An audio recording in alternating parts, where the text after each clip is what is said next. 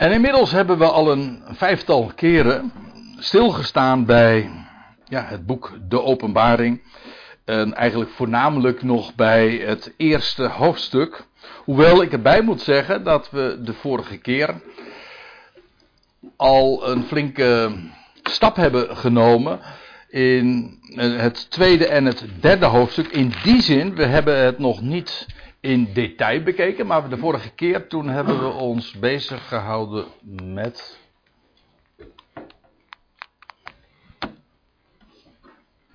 Ja, de vorige keer. Toen hebben we ons bezig gehouden met de.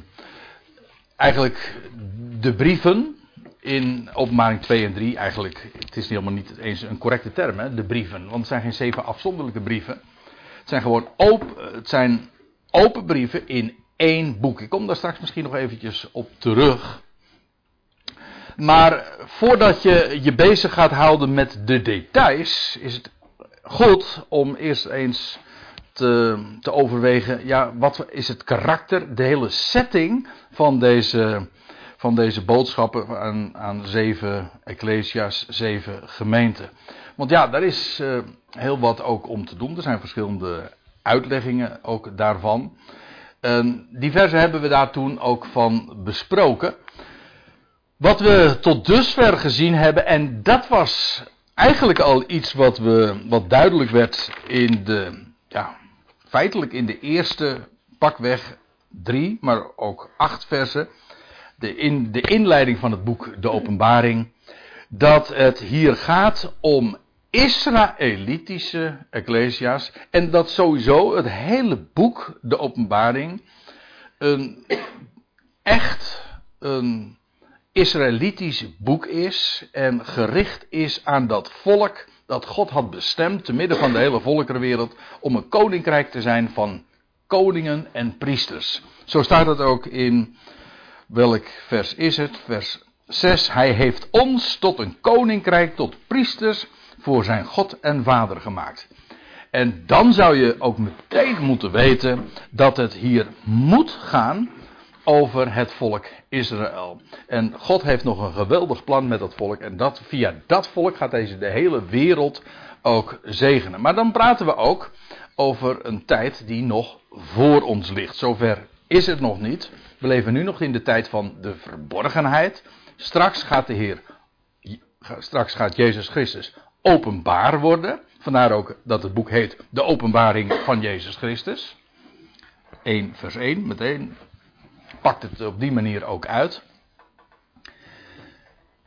En in die tijd, ja, dan is de tijd van de verborgenheid, waar Paulus over schrijft, ja, is voorbij. En dan breekt er een heel nieuwe fase in de heilsgeschiedenis, of in de wereldgeschiedenis zou je ook kunnen zeggen, aan.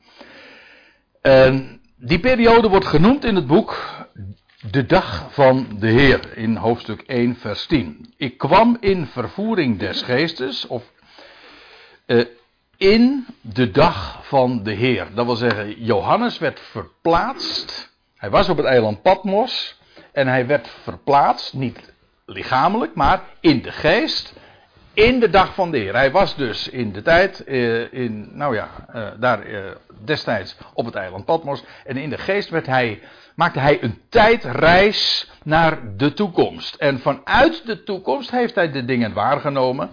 En alles in dit boek wordt geplaatst in die tijd, in de dag van de Heer. We bevinden ons dus echt op toekomstige bodem. Dit is een profetisch boek en, ja, en daarmee eh, heb je zowel de tijd gekarakteriseerd, namelijk het is de dag van de Heer, de dag van de openbaring, maar je zou het ook nog anders kunnen zeggen, je hebt ook het karakter in die zin ge, uh, aangegeven. Het is uh, gericht niet aan de Ecclesia, het lichaam van Christus, nee, het is gericht aan het volk van Israël.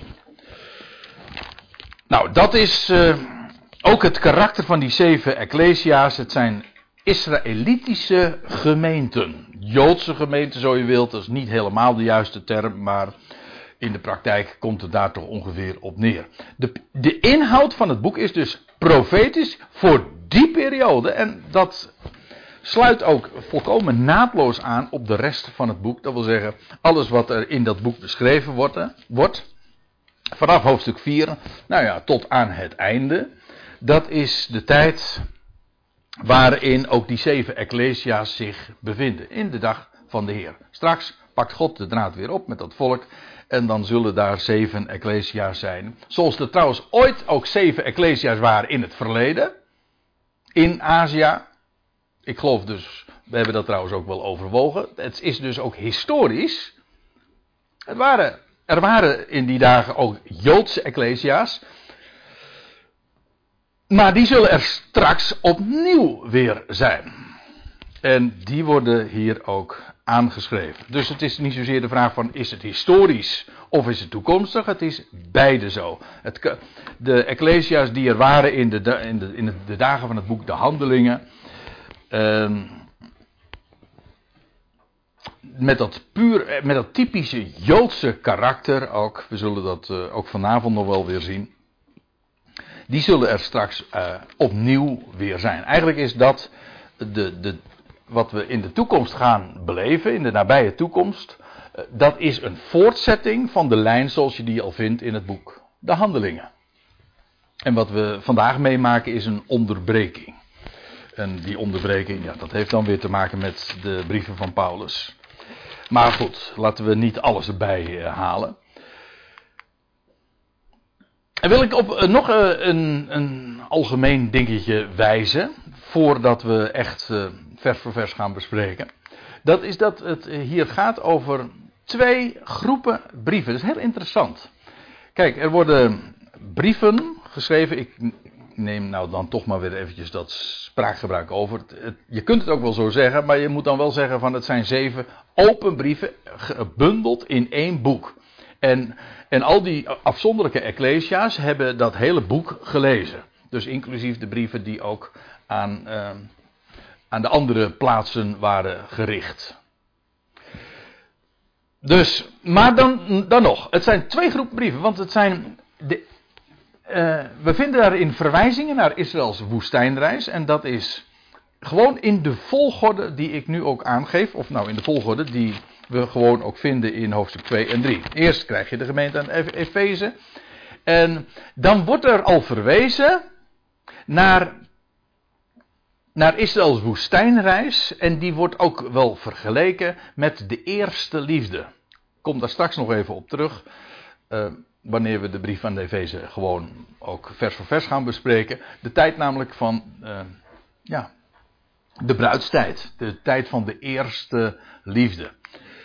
Uh, ook Smyrna is, er sprake van beproevingen, zoals Israël die ook zo uh, heeft beleefd en meegemaakt gedurende de woestijnreis. In Pergamum, in de brief van Pergamum wordt er nogal uitgebreid ook verwezen naar Biliam. Nou, Biliam herinnert ook aan de woestijnreis. En dan in de vier ecclesia's die daarna komen, dus vanaf Thyatira, die brieven, die verwijzen ook naar Israëls geschiedenis, maar dan Israëls geschiedenis in het land. Dat is heel interessant. Hoe die, hoe zelfs de volgorde, zeg maar, van die, van die ecclesia's aansluiten op Israëls geschiedenis. Dus je zou kunnen het bevestigt trouwens ook weer het Israëlitisch karakter van die zeven ecclesia's. Dus de eerste Ecclesias, Efeze, Smyrna, Pergamum, verwijzen naar de woestijnreis. Dan vervolgens die andere Ecclesia's uh, met uh, Thyatira, daar wordt er verwezen naar Izebel. En dat was een dame in de dagen van uh, de tien stammen, in de dagen van koning Agab. Eh, in Sardes lees je dan dat de naam wordt uitgewist, een terminologie die wordt gebezigd, ook in verband met Israël, dat ze uit het land zouden worden gewist, zouden verdwijnen.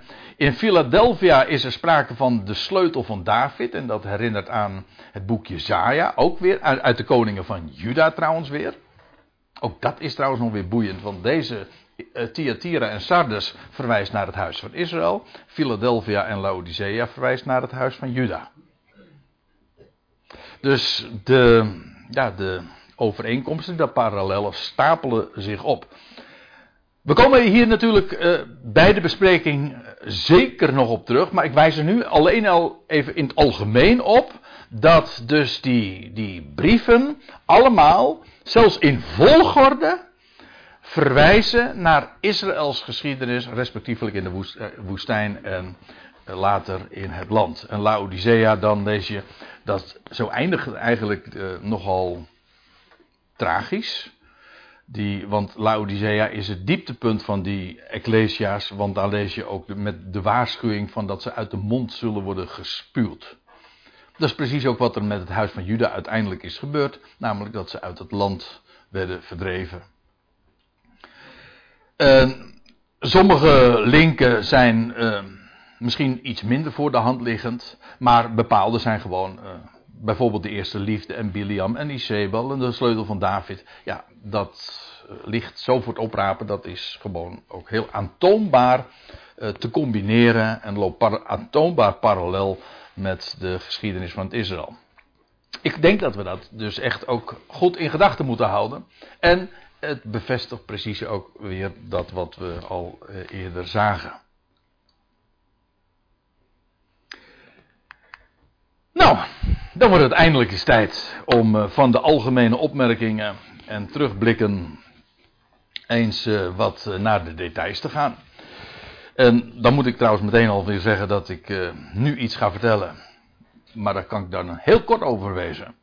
Wat ik al eerder gezegd heb. Want elke brief die begint dan met schrijf aan de boodschapper van de Ecclesia in, nou ja, en dan krijg je dus die zeven adressen met, met de bijbehorende inhoud. Maar we hebben al gezien dat dit dus een ambt is in de synagoge. Ook dat bevestigt weer precies waar we het over hebben. Kijk, dat is het mooie. Uh, als je schriftstudie doet, dan kan het wel eens zijn dat je een bepaald uh, draadje kwijtraakt. En dat je uh, iets niet helemaal, dat je iets ontgaat. Maar dan blijkt het, de rest, de hele context, de hele, alle andere lijnen gewoon in exact dezelfde richting te wijzen. Zodat je alsnog, zodat je eigenlijk nooit de draad kwijt kunt raken. In het algemeen, want als het ene niet duidelijk genoeg is, wel, dan is het het andere wel. Alles in dit boek onderstreept dat het gaat om Israël en hoe God via Israël de rest van de wereld bereikt, maar ook via Israël zijn koninkrijk gaat vestigen. Uh, wat ik hierover heb gezegd is de boodschapper van de Ecclesia, of zoals de MBG-vertaling dan zegt, of de Statenvertaling, de engel van de gemeente. Maar het is niet de engel van de gemeente, dat zet meteen al op een verkeerde gedachte. Het gaat niet om een hemelwezen, het gaat over een boodschapper van de Ecclesia. En daar is gewoon een, een Hebreeuwse parallel mee. Het is gewoon ook een, het is eigenlijk een, een in het Grieks vertaalde Hebreeuwse term, en dat is een shaliach tzibur. Oftewel, tegenwoordig wordt dat meestal een Gazan genoemd. Maar van origine, van oudsher, heet dat een Shaliach Tzibur. En wat betekent Shaliach Tzibur? Nou, de boodschapper van een ecclesia, van een volksvergadering. Dat is wat het betekent. Dus onomstreden. Je kunt het ook allemaal gewoon in alle uh, handboeken zo terugvinden. Daar hoef ik verder dus niks meer over te zeggen, want dat hebben we wat uitgebreider al bij een eerdere gelegenheid bezien. Dit moest worden geschreven. En dan volgt een dubbele punt. Dit zegt. Oh nee, wacht eventjes. Ik moet er nog even bij vertellen. Efeze, u weet het. Dat was een metropool, een grote stad. Ooit eigenlijk de hoofdstad van Azië. En dan heb ik het natuurlijk niet over het werelddeel, maar over dat deel, dat westelijk deel. Zeg ik het goed? Ja, van het huidige Turkije. Uh, weinig is er meer van de stad over.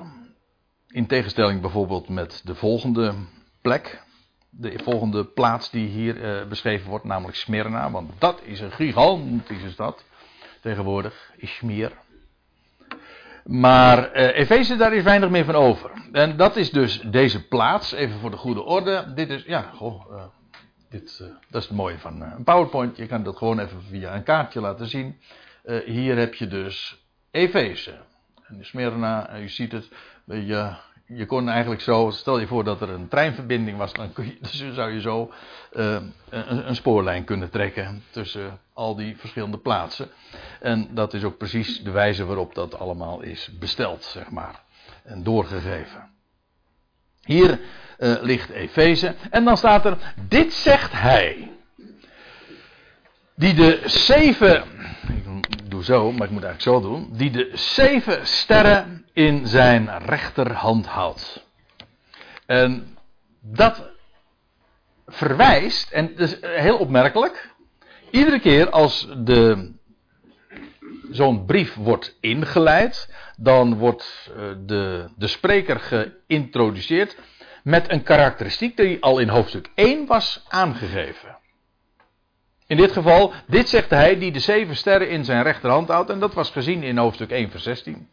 Ik heb trouwens er toen ook al bij verteld dat het woord ster, wat, nou misleidend, maar het geeft in niet, het is prima, maar het is eigenlijk lichtgever. De, de term is breder. Het zijn zeven lichtgevers. En dat, kunnen, dat kan een ster zijn, maar dat hoeft niet. En hier in dit verband gaat het om brandende pitten, maar dat zijn ook eh, lichtgevers. En die, die link lijkt mij nogal duidelijk, omdat het hier gaat over zeven lichtgevers en zeven gouden kandelaren. En dat je dan niet aan sterren, aan hemellichamen moet denken, maar aan, aan, aan inderdaad pitten, aan uh, lichtgevers. Ja, lijkt mij nogal voor de hand liggend. Lichtend. Ja. Het was gezien in hoofdstuk 1 vers 16 en het was uitgelegd in 1 vers 20, want er werd er gezegd van die zeven boodschappers, uh, die zeven sterren of die zeven lichtgevers uh, in zijn rechterhand, dat zijn uh, de zeven boodschappers van de Ecclesia. Dus het ene was beeldspraak en de uitleg werd erbij gegeven. En we hebben toen al een keertje eerder gezegd, het is ook vreemd, of ja, ook wel weer komisch soms, vind ik dat klinkt misschien wat arrogant, maar als men daar zo over in het duister tast van, ja, wat zijn die zeven engelen van de gemeente nou? en men maakt dat, men maakt daar weer een vraagstuk van, terwijl het nu juist het antwoord is. Hij zag iets uh, met een betekenis, een symbool, dan wordt vervolgens dat uitgelegd, dat zijn de zeven boodschappers van de Ecclesia, dat is het antwoord. Dat is geen raadsel, dat is het antwoord. Dat is de uitleg van de symboliek. Dus als, het, als je dat ra raadselachtig voorkomt, dan ben je dus, op voorhand weet je dat dan, hé, hey, uh, hier ontgaat mij iets heel belangrijks kennelijk. En dus dat betekent dat je weer eventjes helemaal uh, je, ja, eventjes je, je, je, brein moet resetten en zeggen misschien moeten we even in een heel andere richting denken. Moeten we niet denken in kerkelijke termen, maar moeten we denken in de termen van synagoges. Aha, maar dan wordt het in één keer helemaal duidelijk. Enfin, dit zegt hij die de zeven sterren in zijn rechterhand houdt. Hij houdt, de nadruk ligt er eigenlijk ook hier echt op. Hij is het die ze vasthoudt. Die lichtgevers. Hij zorgt, hij, dat betekent dus gewoon, uh, hij draagt er, hè? Hij draagt er zorg voor. Hij zorgt ervoor, zoals trouwens de hoge priester, maar daar heb ik geloof ik bij een eerdere gelegenheid al op gewezen, zoals de hoge priester in de tempel of in de tabernakel ook inderdaad zorg droeg voor de pitten, de brandende pitten van de kandelaar. Hij, hij zorgt ervoor, hij heeft dat allemaal in zijn hand. Nou, dit zegt hij, die de zeven sterren in zijn rechterhand houdt, die in het midden van de zeven gouden kandelaren wandelt. En dat was gezien al in hoofdstuk 1, vers 12 en 13. En uitgelegd ook in hoofdstuk 1, vers 20. Dat zijn de zeven Ecclesia's. Aangenaam. Dit ben ik. Nu, ik heb je wat te zeggen. Dit zegt hij. En uh, wat heeft hij te zeggen? Nou, we lezen verder. Hij zegt tegen hen: Ik heb je werken waargenomen. Of ik weet van jouw werken en de moeite. En in de MBG-vertaling staat de inspanning en, de, en het verduren en je verduren. is iets anders. Volharden is actief, verduren is passief. Dat wat je allemaal ondergaat. Uh, ja, de moeite en je verduren. En de Heer zegt tegen hen: uh, Ik weet dat. En ik heb ook waargenomen waar je, uh, waar, wat jullie doen, wat jullie werken zijn. En dat je de kwade niet kunt verdragen. En hen op de proef stelt die van zichzelf zeggen afgevaardigden of apostelen te zijn en het niet zijn. Ja, het, u ziet het, hier staat gewoon het woord apostel. Maar een apostel is een afgevaardigde. En het gaat hier natuurlijk om mensen die claimen een afgevaardigde, een apostel te zijn van Jezus Christus. Maar dat niet zijn. Dus ten onrechte die claim. Uh, of uh, aan, ten onrechte daar aanspraak op maakte. En zij waren kritisch, ze hebben ze hen op getest, hè, op de proef gesteld. En staat er, uh, je hebt hen leugenaars bevonden. U moet zich voorstellen, want ja, iedere keer zullen we daar dus weer in bevestigd worden. We, we zijn hier, deze ecclesia's bevinden, eh, die worden aangeschreven, maar het zijn ecclesia's die in de toekomst daar weer zullen zijn. En het zal een tijd zijn uh, waar, ja, de, dezelfde tijd als die in Matthäus 24 besproken wordt. Namelijk die vlak voorafgaat aan de verschijning van de Heer aan Israël. En, kortom, aan zijn, wat wij dan de wederkomst noemen. En dan zullen er vele valse profeten en valse Christussen ook zijn af, vele valse gezalfden. En ja, wat moet je daarmee doen? Hoe, hoe test je die?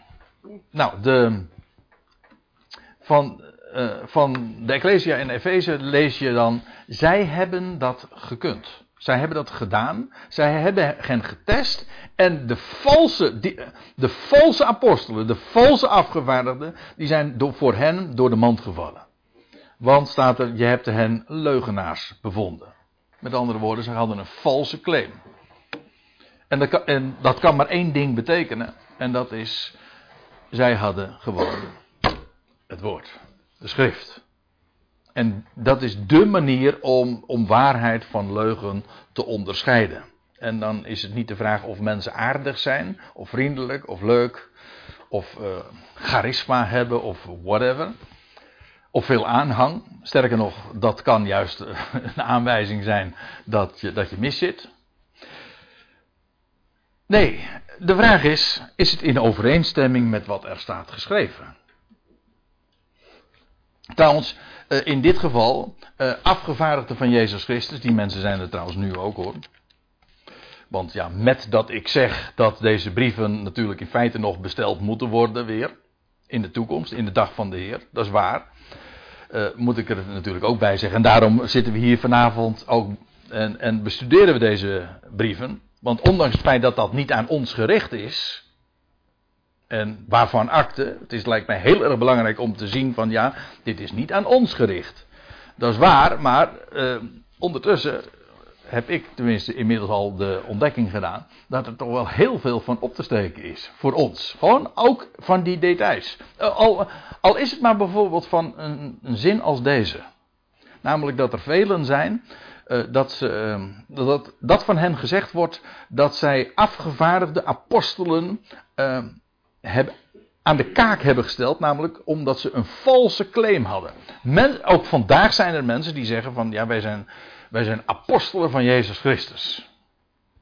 Dat kan trouwens sowieso niet. Dat is volstrekt uitgesloten. Want die horen bij de eerste generatie. Een apostel is gewoon iemand die de Heer Jezus Christus hier heeft gezien. Een, een getuige is geweest van de opstanding van Jezus Christus. Dat was zelfs een heel belangrijk criterium toen Judas vervangen moest worden. Toen uh, in Handelingen 1 lees je dat nog. Ja, in Handelingen 1 staat dat. Uh, toen Judas vervangen moest worden en dan worden er een paar criteria gesteld aan wat een apostel was. En een van de dingen was dat hij een ooggetuige was van Jezus Christus hier op aarde en van en hem ook heeft ontmoet als, als de opgestane. Nou, daar waren er heel wat van hoor. Veel, die kring was veel groter dan de, de twaalf.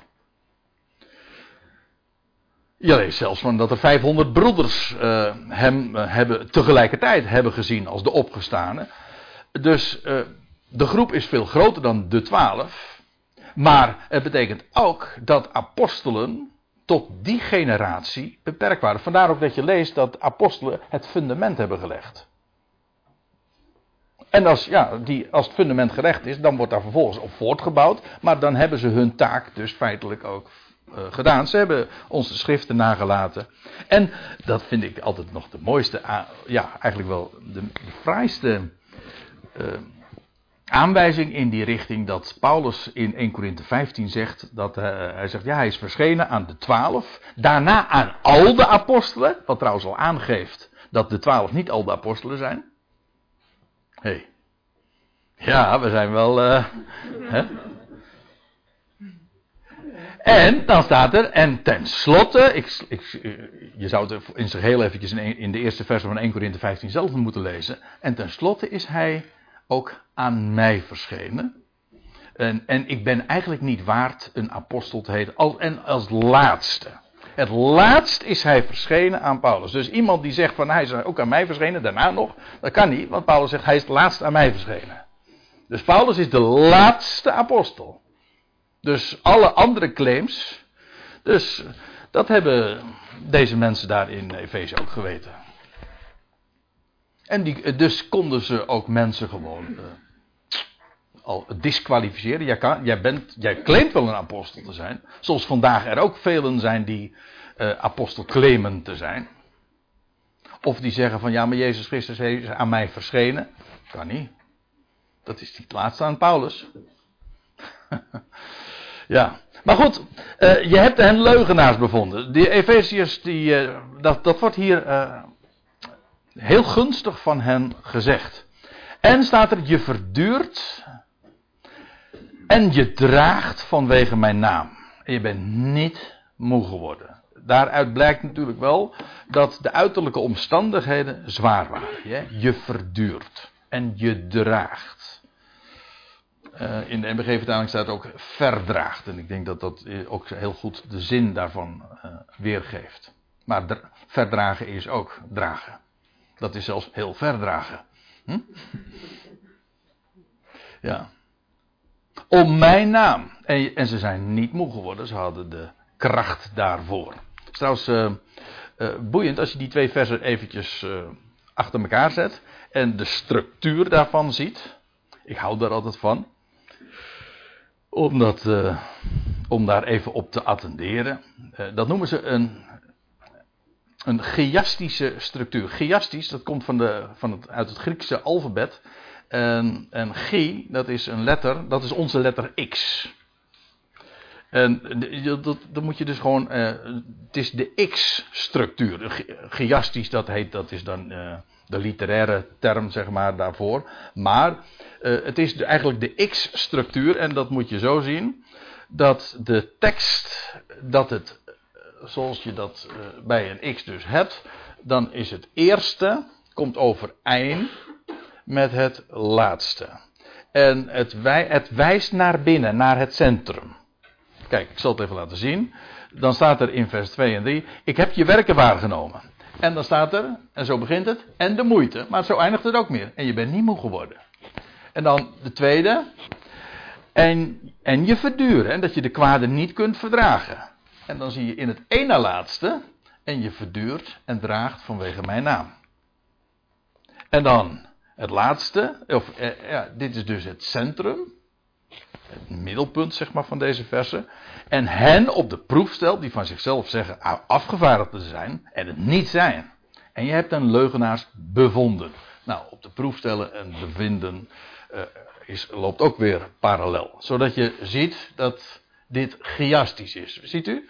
Dus het wijst naar binnen. Dit is zo'n X-lijn. Ja. Dat is de X-factor, ja. Oh, was dat weer wat anders? Ja. Maar wat de. De, de X-factor, eh, daar heb ik wel eens van gehoord. Dat, is, eh, dat is, eh, heeft te maken met charisma. Hè? Begint ook met de X. Ja. En de X-factor dat je charisma hebt. Maar charisma, als je echt weet wat charisma is, uh, dat betekent namelijk genade-effect. Charis, hè? genade. En dat ma, dat heeft te maken met het effect dat het heeft. Dus het effect dat genade heeft, dan heb je, dat is charisma. Dat is de X-factor. Nou ja, uh, laten we daar nou verder niet meer over hebben, want ik, uh, ik had beloofd, uh, Ed, dat ik wat meer voort zou gaan, maar ik vraag me af of ik die belofte helemaal waar kan gaan maken. maar ik heb tegen je, nu komt het, een maar. Eerst wordt het, het, het positieve genoemd. Maar er zijn ook kanttekenen. Maar ik heb tegen je dat je je eerste liefde hebt losgelaten. Eigenlijk is dat wat we tot dusver hebben gezien, dat is terugkijkend. En nou wordt de Ecclesia aangesproken en dan zegt ik heb tegen je dat je je eerste liefde hebt losgelaten. Um, ik zei net al dat dit eigenlijk ook parallel loopt met de Israël in de woestijnreis, want we lezen uh, van Israël in de woestijnreis iets soortgelijks. Op diverse plaatsen trouwens. Ik verwijs nu alleen naar Jeremia 2. Maar je zult het ook in Ezekiel 16 terug kunnen vinden. In Hosea 1 en 2. De bruidstijd. in Jeremia 2. Dan wordt bij monden van Jeremia gezegd door God: Ik gedenk de genegenheid van uw jeugd de liefde van uw bruidstijd. Want ja, de hele Bijbelse lijn is deze: dat eh, feitelijk Israël is de bruid. Dat is ook al een, uh, een, statement natuurlijk die ik hier maak. Dus een theologisch statement. De bruid, wie is dat? Dat is Israël. En, maar goed, uh, de Bijbel onderscheidt eigenlijk twee huwelijken: het oude verbond en de tijd dat Israël uittoog, uittrok uit Egypte. Toen ging ze eigenlijk uh, ze zou gaan trouwen met de Heer. Of de Heer zou met hen gaan trouwen. Zo wordt het voorgesteld. Het oude verbond was gewoon een huwelijk. Een huwelijksverbond met ook huwelijkse voorwaarden en dergelijke. Met, met de regels waar beiden zich aan zouden houden. Er is en ze waren op weg naar de echtelijke woning en dat was het land Israël. Daar zouden ze wonen. Daar zou de Heer met zijn volk wonen. Dus het wordt helemaal vergeleken met ja, de, de tijd van, uh, ja, van de eerste liefde, de bruidstijd. En dan zegt de Heer, ik gedenk de genegenheid van uw jeugd en de liefde van uw bruidstijd. Toen u mij gevolgd bent in de woestijn. En dan even later, wat voor onrecht hebben uw vaderen in mij gevonden dat zij zich ver van mij verwijderd hebben? Heb ik iets misdaan? Heb ik me niet aan mijn woord gehouden? En dan is ook de gedachte dat Israël uh, andere mannen is na gaan volgen. Kijk, als Israël nu getrouwd was met God, haar man, en als ze andere goden achterna gaat, dan is dat afgoderij, maar in diezelfde metafoor is dat feitelijk dus ook hoererij. Dus afgoderij en hoererij is eigenlijk gewoon exact hetzelfde in, voor Israël. Want ze was namelijk getrouwd met de man, en als ze andere mannen navolgt en daar gemeenschap mee heeft en, en offert en nou ja, dat soort beeldspraak, dan is dat dus hoererij. En, en nou vraagt de man, de Heer zelf dus, wat heb ik fout gedaan? Wat voor onrecht hebben uw vader in mij gevonden dat ze zich ver van mij hebben verwijderd? Maar hier wordt dus teruggedacht aan die eerste liefde. Er is trouwens nog iets bij, want ik vind dat, dat heel mooi. Dat wil ik graag eens delen. Want bij eerste liefde denken wij heel gauw en gemakkelijk aan de eerste liefde die in dit geval Israël had voor haar God. Maar dat is niet eigenlijk de gedachte. Het gaat niet over de liefde in de eerste plaats van Israël. Maar laat ik het Johannes zelf uitleggen. Niet in het boek de Openbaring, maar in zijn brief aan. Nou ja, uh, aan kan ik niet zeggen. Uh, zijn rondzendbrief, maar in ieder geval in 1 Johannes 4, daar lees je in vers 19. Wij hebben lief, en daar wordt hetzelfde woord, werkwoord gebruikt, agape. Wij hebben lief, waarom? Omdat Hij ons eerst heeft lief gehad. Dus onze liefde, en dat is ook, is ook weer zo'n universeel principe. Het is niet alleen waar voor Israël, in het verleden of straks, maar net voor ons ook. Ja, waarom heb, waarom heb ik hem lief? Omdat hij mij heeft lief gehad en omdat ik besef heb van zijn liefde. En die eerste liefde die Efeze hier heeft losgelaten, dat is dat ze zich niet meer bewust is van haar eerste liefde. Dat wil zeggen van degene die haar heeft lief gehad. Kijk, en dan wordt het. Ik, ik, ik, vind dat trouwens. Uh, ja, god, nou moet me iets van het hart. Maar goed, die gelegenheid heb ik, want ik sta hier, of ik zit hier uh, zo voor u. Uh, dat heel veel liederen, met name in, de, in het evangelische. In de evangelische wereld, heel veel liederen, bijvoorbeeld in de opwekkingsbundel. Je ziet het trouwens ook wel in de Johannes de Heer. Maar met name in, die, in de moderne evangelische bundels. Dat het allemaal, ik hou, ik hou van u, ik heb u lief. En het gaat allemaal over onze liefde. En dat, uh, dat, dat is niet gezond. Want als je hem lief hebt, dan praat je niet over jouw liefde voor hem. Maar dan ben je blij en gelukkig en ben je zo. Uh, dan kan je niet uit, oh, uh, dan raak je nooit uitgesproken over zijn liefde voor ons. En dat, kijk, daar heb ik ook, uh, daar heb ik heel veel fiducie in. In zijn liefde voor mij. Om het even heel persoonlijk te zeggen. Mijn liefde voor hem niet. Mijn liefde voor hem is niks anders dan een reflectie. Een reflectie namelijk van zijn liefde voor mij. Je hebt zo'n lied. Um, ik heb van u gehouden. Dat is een prachtig lied, hè? Laat, laat, laat ik dat er uh, even bij zeggen, want voordat ik nou allemaal uh, sneeuwballen naar me. Het is een heel mooi lied. Uh, ik heb van u gehouden, weet je, en dan, nou, ik weet niet, ik kan het niet zo allemaal. bij al die, bij al die levensfasen en dan uiteindelijk, en als ik kom te sterven, en dan, ik heb van u gehouden. Ehm en dan, maar nooit zoveel als nu. En als ik het meezing, ik, ik, heb er een hele goede truc op gevonden. Dat schijnt qua Nederlands niet helemaal verantwoord te zijn. Maar dan zing ik altijd, maar nooit zoveel als u. Dan, en dan, kan, ik hem heel goed zingen. Ik, ik, ik heb inderdaad van u gehouden, maar nooit zoveel als dat u van mij gehouden hebt. En kijk, dat is gezond. Dat is een basis. Hij houdt van mij. En daar kan ik, ik kan daar nooit iets, ik kan nooit iets doen waardoor zijn liefde vermindert. En ik kan ook niet iets doen waardoor zijn liefde meer wordt. Dat is een basis. En juist dat maakt mij uh, zo blij. En, nou, kijk, hier van de. Nou, even terug te komen bij openbaring 2. Die liefde, die eerste liefde, de liefde namelijk van hem voor ons, die hadden zij verlaten losgelaten. En dan, ja, wat er dan overblijft, dat is onze liefde voor hem. Maar, uh, nou, daar hebben we geen hoge pet van op. Nee, ook niet te zeggen van ja, maar wij zijn nou toch gelovig. Ja, nou, ben je dan beter geworden of zo? En uiteindelijk is het dan toch, dat geldt ook wat wij tot hem te zeggen hebben. Het gaat erom wat hij tot, tegen mij zegt. Zijn woord en zijn liefde en dat wat hij mij geeft, kijk, dat is een basis. nou ja, die liefde. Wij hebben lief omdat hij ons eerst heeft lief gehad.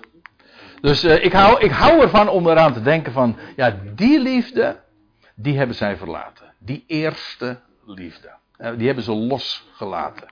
Ja, wat er dan gebeurt als je dat loslaat, dan ga je vallen. Kijk, vers 5. Herinner je dan van welke plaats je bent gevallen? En bezin je en doe de eerste werken. Welke werken? Nou, toen daar nog, toen jullie nog vol waren van die eerste liefde. De liefde van hem voor ons. Want uiteindelijk, het, ja, wat is de waarde van die werken, van dat wat je deed? Dat is toch de motivatie, de drive, de hele passie die daarmee gepaard ging. Maar die passie is alleen maar, heeft alleen maar waarde wanneer het ja, ik, ik blijf het zeggen, wanneer het een reflectie is van, van zijn liefde voor ons. Maar zo niet, zegt de Heer, zo niet, dan kom ik tot je. Uh, dan moet ik wel doorlezen. Want anders klopt de zin niet. Maar zo niet, dan kom ik tot je en zal de kandelaar weghalen vanuit haar plaats. En dan ook nog bij, in het geval je je niet zult bezinnen. Het idee is, de Heer komt sowieso spoedig. we, ik zei al, sorry dat ik eh, in herhaling val, maar ik zal het nog veel, vaker zeggen. Want ja, dat is, dat is de hele context van deze, eh, van deze hoofdstukken, hoofdstuk 2 en 3. Dit wordt gezegd tegen Ecclesia's die zich bevinden in de dag van de Heer. Zij worden aangeschreven. Dat is die tijd dat de Heer inderdaad gaat komen. Trouwens ook bij verschillende gelegenheden, want voor eerst voor Israël, voor de volkeren. Hij gaat komen, sowieso. Dan, spoedig. In die generatie gaat dat gebeuren. Maar, staat hier, zo niet, dan kom ik, kom ik tot je en zal je de, zal de kandelaar weghalen. Dus niet, uh, zo niet, dan kom ik tot je. Waarmee je dus eigenlijk uh, voorwaardelijk is of hij komt. Nee, hij komt sowieso spoedig. Maar hij, dan kom ik tot je en zal je kandelaar weghalen. Hebt u hem? Begrijpt u wat ik uh, naar voren wil brengen? Dan zal, dan zal ik komen, dan zal ik de kandelaar weghalen. Dus als je je niet bezint en als je niet gewoon weer teruggaat naar af, naar het begin, naar het eerste, wel, dan, uh, dan wordt gewoon het licht weggenomen. Dus waaruit trouwens ook volgt uh, dat dit, wat ik zojuist zei over die eerste liefde, fundamenteel is. Ook hier voor Israël, namelijk dat ze zich bewust is van die bron, de eerste liefde. En als dat weg is, als je dat loslaat, dan ga je, dan, ja. Herinner je dan van welke plaats je bent gevallen? Dan, ga, dan kukkel je zo ineens van je voetstuk. Dan, dan, dat, dat is de val. Als je, dan, ben je, dan heb je je eerste liefde losgelaten. En dan duvel je met recht naar beneden. Ja, hoe, dat, dat is meestal zo, hè, als je valt. En vandaar ook. Uh, en dan, ja, wat, welk licht kan je trouwens dan nog laten schijnen? En dan, dus, dus wordt er kandelaar weggenomen. Heel simpel. Dan wordt het getuig. Dat ook daarvan trouwens geldt. Uh, daar kunnen we echt onze lessen ook wel uittrekken. Uh, kijk, dit is natuurlijk. Dit is koninkrijkstaal. Dat wil zeggen ook, ook heel sterk van, doe je dat niet? Wel, dan kom je om. Dat volhard tot het einde. En wie, en wie volhardt tot het einde, die zal gered worden. Dat is ook de boodschap die straks echt weer gaat klinken. Dat is een andere boodschap die, dan die, die Paulus laat, uh, laat klinken en die hij optekent in zijn brieven. Dat is er een van onvoorwaardelijke genade dat is een andere, dat is een andere sfeer. Dit is de boodschap die straks eh, zal klinken in verband met het, het koninkrijk dat gevestigd gaat worden. Maar in het algemeen is het ook zo, ook vandaag is dat denk ik een algemeen principe, dat op het moment dat de Heer je iets laat zien, hij geeft je licht. Ja, dat, met welke bedoeling? Ja, om dat te laten schijnen natuurlijk. En als je dat niet doet, nou, dan, zeg, dan geef ik het gewoon aan een ander. Want hij doet dat, hij geeft je het licht. Ja, waarom? Om het juist te verspreiden, toch? En dus dat principe op zich is uh, universeel. Dat, dat, geldt ook, uh, dat geldt ook vandaag. Zo niet, dan kom ik tot je, dan zal ik de kandelaar weghalen vanuit haar plaats. Dat wil zeggen, dan dan wordt het een ander gegeven. In het geval je je dus niet zult bezinnen. In, hier staat het woordje, in de MBG-vertaling staat bekeren. In het Grieks staat daar metanoia. Metanoia, meta betekent om. En dat noia, dat kennen we allemaal. Dat heeft te maken met denken. Dus het is eigenlijk omdenken. Oftewel bezinnen. Je bezint je. Het is niet zozeer de gedachte dat je omkeert. Maar dat je, je, het heeft te maken met, met de denkzin. Vandaar ook dat bezinnen denk ik veel beter is. Omdenken zou trouwens ook een goede zijn. Die wordt tegenwoordig ook veel, dat is ook, uh, is ook helemaal in het Nederlands uh, terechtgekomen de laatste jaren. Dus dat zou ook nog kunnen. In het geval dat je niet zult omdenken. Niet zult bezinnen. Maar, nog, dit, nog iets. Dit heb je dat is dan weer een, uh, een voordeel voor uh, wat er tegen de, Ecclesia's, uh, tegen de Ecclesia van Efeze gezegd wordt. Dus er zitten nuances in. De plussen, minnen. Dit heb je dat je de werken van de Nicolaïten haat. Die ik ook haat. Ja, over die Nicolaïten, daar gaan we het later nog wel hebben. Want in, straks in de brief, straks, ik bedoel later in de brief aan, aan Pergamus, komen die uh, Nicolaïten uh, nog een keertje voor. En dan wordt er gesproken over de leer van de Nicolaïten. En dan wordt er trouwens ook meteen bijgezegd wat dat voor leer is. Want in, de grap is, in de historie kennen we het niet in de historie is het onbekend. Ja, wie, wie waren die Nicolaïten? Ja, je kunt iets afleiden uit de naam. Uh, waarover straks even meer. Maar uh, als historisch verschijnsel is het onbekend. Maar niet, ge, niet getreurd. We komen het namelijk straks, uh, of straks in de, in de brief aan Pergamus, wordt het ook echt uitgelegd omdat het gelinkt wordt aan, aan de leer, het onderwijs van, van Biliam. Ook uit de woestijnreis dus. En dan gaat het over het eten van, uh, het eten van afgodenoffers en hoereren. Dus het heeft te maken met, met, af, met, ja, met, met je mengen met cultussen die, die eigenlijk vreemd terrein waren voor Israël en ook hoereren. Ik kom daar later nog op terug. En die werken die worden gehaat. Ik wil trouwens nog even dit bij zeggen die Nicolaïten. Uh, als je, uh, het, het, woord Nico, dat kennen we, dat is niet alleen maar, dat is ook een, uh, voor ons een jongensnaam. Maar het betekent eigenlijk overwinnen. Als werkwoord. En Nikao, je hebt er ook een schoenenmerk van, Nike. Ja, betekent overwinnen. Heb je nog iets? Ja, je hebt ook nog Sint-Nicolaas natuurlijk. Hè? Ja, Ni Ni Nicolaas, dat is, komt hier vandaan natuurlijk. Hè? Nicolaos. En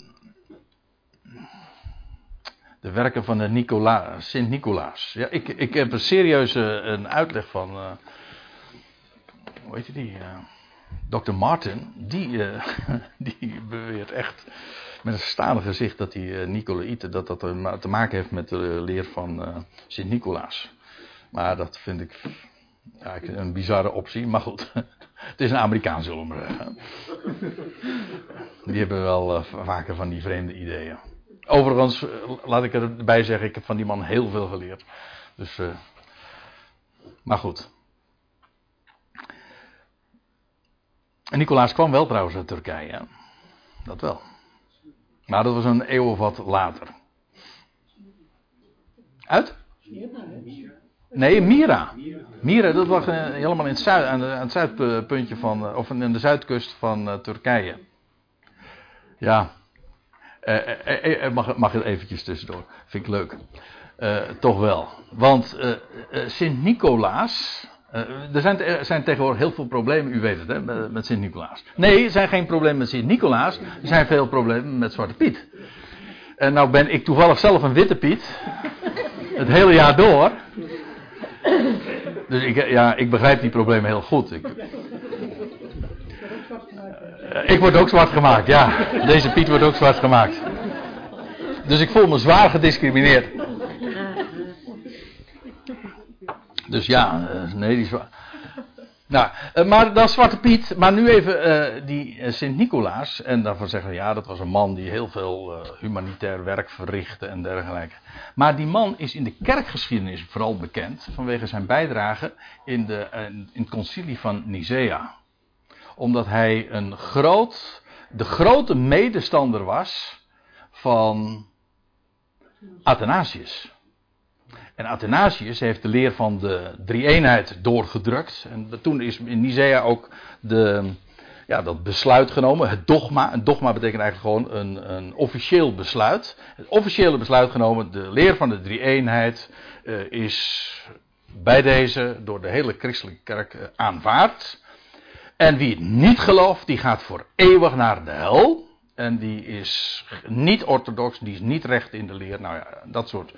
En die Sint-Nicolaas van Mika, Mira, die was een groot supporter van Athanasius. En die heeft uh, de, de legende, de, het verhaal gaat, dus uh, uh, lieg ik, dan lieg ik in commissie. Maar je kunt het allemaal zo op het internet terugvinden. Het verhaal gaat dat Sint-Nicolaas toen Arius, want die werd toen bestreden. Want Arius zei: nee, er is geen drie-eenheid. Het is niet, Jezus Christus is niet God de Zoon. Hij is de Zoon van God. Nou zeg ik niet dat ik een Ariaan ben, maar hier had Arius zo 100% gelijk in. Dus als, het, als ik dan toch moet kiezen, dan is het uh, voor Arius. Maar in ieder geval, toen heeft uh, Nicolaas, Sint Nicolaas, Sint Nicolaas, heeft toen uh, een, schijnt een, een slag in het gezicht, Arius een slag in het gezicht gegeven te hebben. Wie staat is de roe? ja, nou weet oh gewoon, nou, die, die link had ik nog niet gelegd, ja. Dat is dus Sint-Nicolaas. Dat was de grote promotor van de leer van de drie-eenheid. Ja. Dus, uh, dus uh, nee, ik. Uh, dus ik heb eigenlijk geen probleem met zozeer met Zwarte Piet, maar meer met Sint-Nicolaas. ja. Maar goed. Ik begrijp wel wat u met Sint-Nicolaas uh, doet, dat moet u helemaal zelf weten. Maar uh, ik kan onmogelijk, met deze wetenschap kan ik onmogelijk enthousiast wezen over, uh, over deze bisschop van Mira. Wat voor goeds die ook allemaal gedaan heeft. Want dit is ongeveer het, dit is het eerste leerstuk wat in de kerk officieel is aanvaard. Alle orthodoxie is daarop gebaseerd, heeft deze besluiten als uitgangspunt. En dat associeer ik direct, uh, gewoon, dat is een officieel historisch gegeven, met, met, met de bisschop van Mira. Ja, dat, uh, dat voelt niet goed. Dat is, een, uh, het is iets heel dramatisch geweest. Want daar heeft men de boodschap en de waarheid van de ene God losgelaten. Eén God, de Vader. Ja, dat is, dat is heel serieus. Maar goed.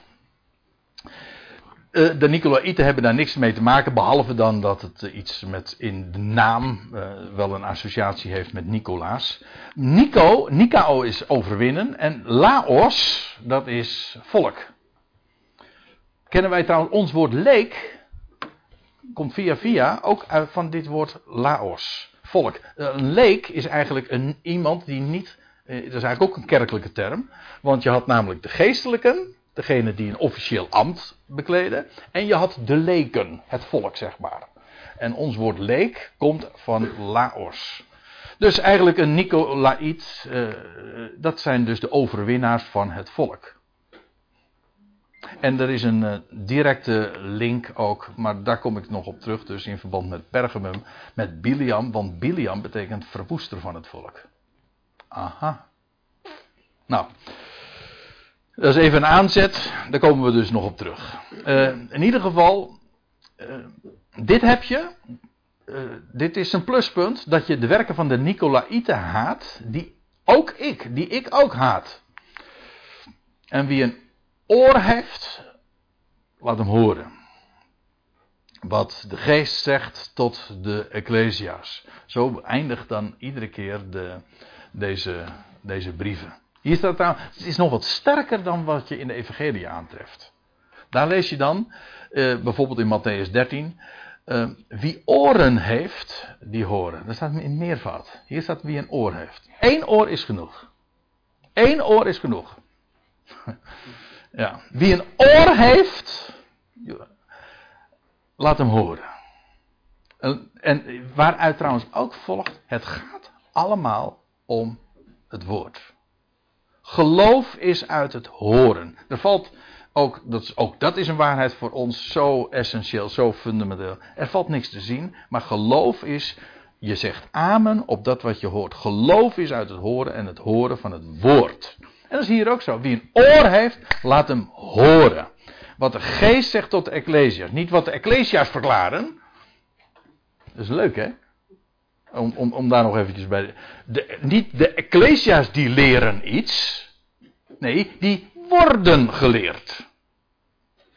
Die, wie een oor heeft, laat hem horen wat de geest zegt tot de Ecclesia's. Niet de Ecclesia's die hebben. Dat is een, een volkomen onbijbelse gedachte dat de gemeenten uh, een leer zouden neerzetten of zouden onderwijzen. Nee, de gemeente die, die, die spreekt niet, die hoort. Die wordt geacht te horen. Laat hem horen wat de geest zegt tot de Ecclesia's. Het is trouwens een, uh, is opmerkelijk. Als je, uh, het verschil tussen hoofdstuk 2 en 3. Het zou me niet verbazen, ik weet het niet zeker. Het zou me niet verbazen, op grond daarvan heeft men ook het verschil gemaakt tussen hoofdstuk 2 en 3. In hoofdstuk 2 is het namelijk. Daar heb je eerst de oproep om te horen. En daarna vindt de belofte plaats. Efeze, Smyrna, Pergamum, Thyatira. In hoofdstuk 3, aan de gemeente dus van Sardes, Philadelphia en Laodicea, is eerst de belofte, wordt gegeven, en daarna de oproep om te horen. Ja, kijk hem daarna. Het is echt zo. Wie een oor heeft, laat hem horen wat de geest zegt tot de Ecclesia. Dus ook hier, uh, ja, maar daar had ik het al even over. Het zijn geen zeven brieven, het is één boek en het is geadresseerd aan zeven Ecclesia's. Wie overwint, wie overwint, aan hem zal ik geven te eten van het geboomte van het leven. Dat in het paradijs van God is. Dit is weer de taal ja, in verband met het koninkrijk dat gevestigd wordt. Wie overwint. Uh, er worden verschillende varianten daarvoor uh, geformuleerd. Maar die in de praktijk min of meer synoniem zijn. Ik zeg niet dat ze hetzelfde zijn. Maar wie overwint, ja, dat is de, degene die te maken heeft met strijd. Maar die stand houdt in de strijd. Maar in hoofdstuk 2 vers 10 dan wordt er gesproken wie trouw blijft. Of wie vasthoudt. 2 vers 13. Of wie bewaart, namelijk het woord. Of wie niet verlogent. Of wie waakt. Maar hoe verschillend die eh, werkwoorden dan ook mogen zijn. Uiteindelijk komt het toch uh, neer op hetzelfde. Namelijk, dat, dat is degene die hoort.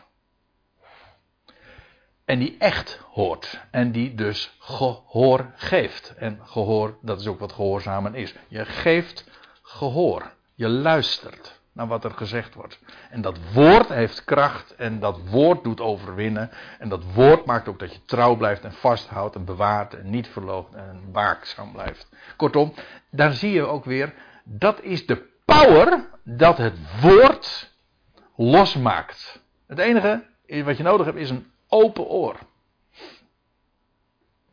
Vandaar ook dat hier uh, dat ook benadrukt wordt. Mag ik, ja, laat, ik dat nog eventjes bij zeggen. Ja, de koffie wordt toch niet koud. Wie overwint, aan hem zal ik geven te eten van het geboomte van het leven. Dat in het paradijs van God is. En dit zijn woorden, dit is een belofte die wordt gegeven en dat is, ja, dat, dat later in het boek, in hoofdstuk 21 en 22, als, als dan het nieuwe Jeruzalem beschreven wordt, dat uit de hemel neerdaalt, dan lees je inderdaad over dat paradijs van God. En over de, de, bron, over de, over de bron des leven, van het leven en de, de rivier, uh, die uit die troon stroomt. En aan, de, bij, aan weerszijden van die rivier, dat daar geboomte groeit, waarvan, de vol, eh, waarvan het gebladerte, nee, het, ja, het gebladerte, zeg je dat goed?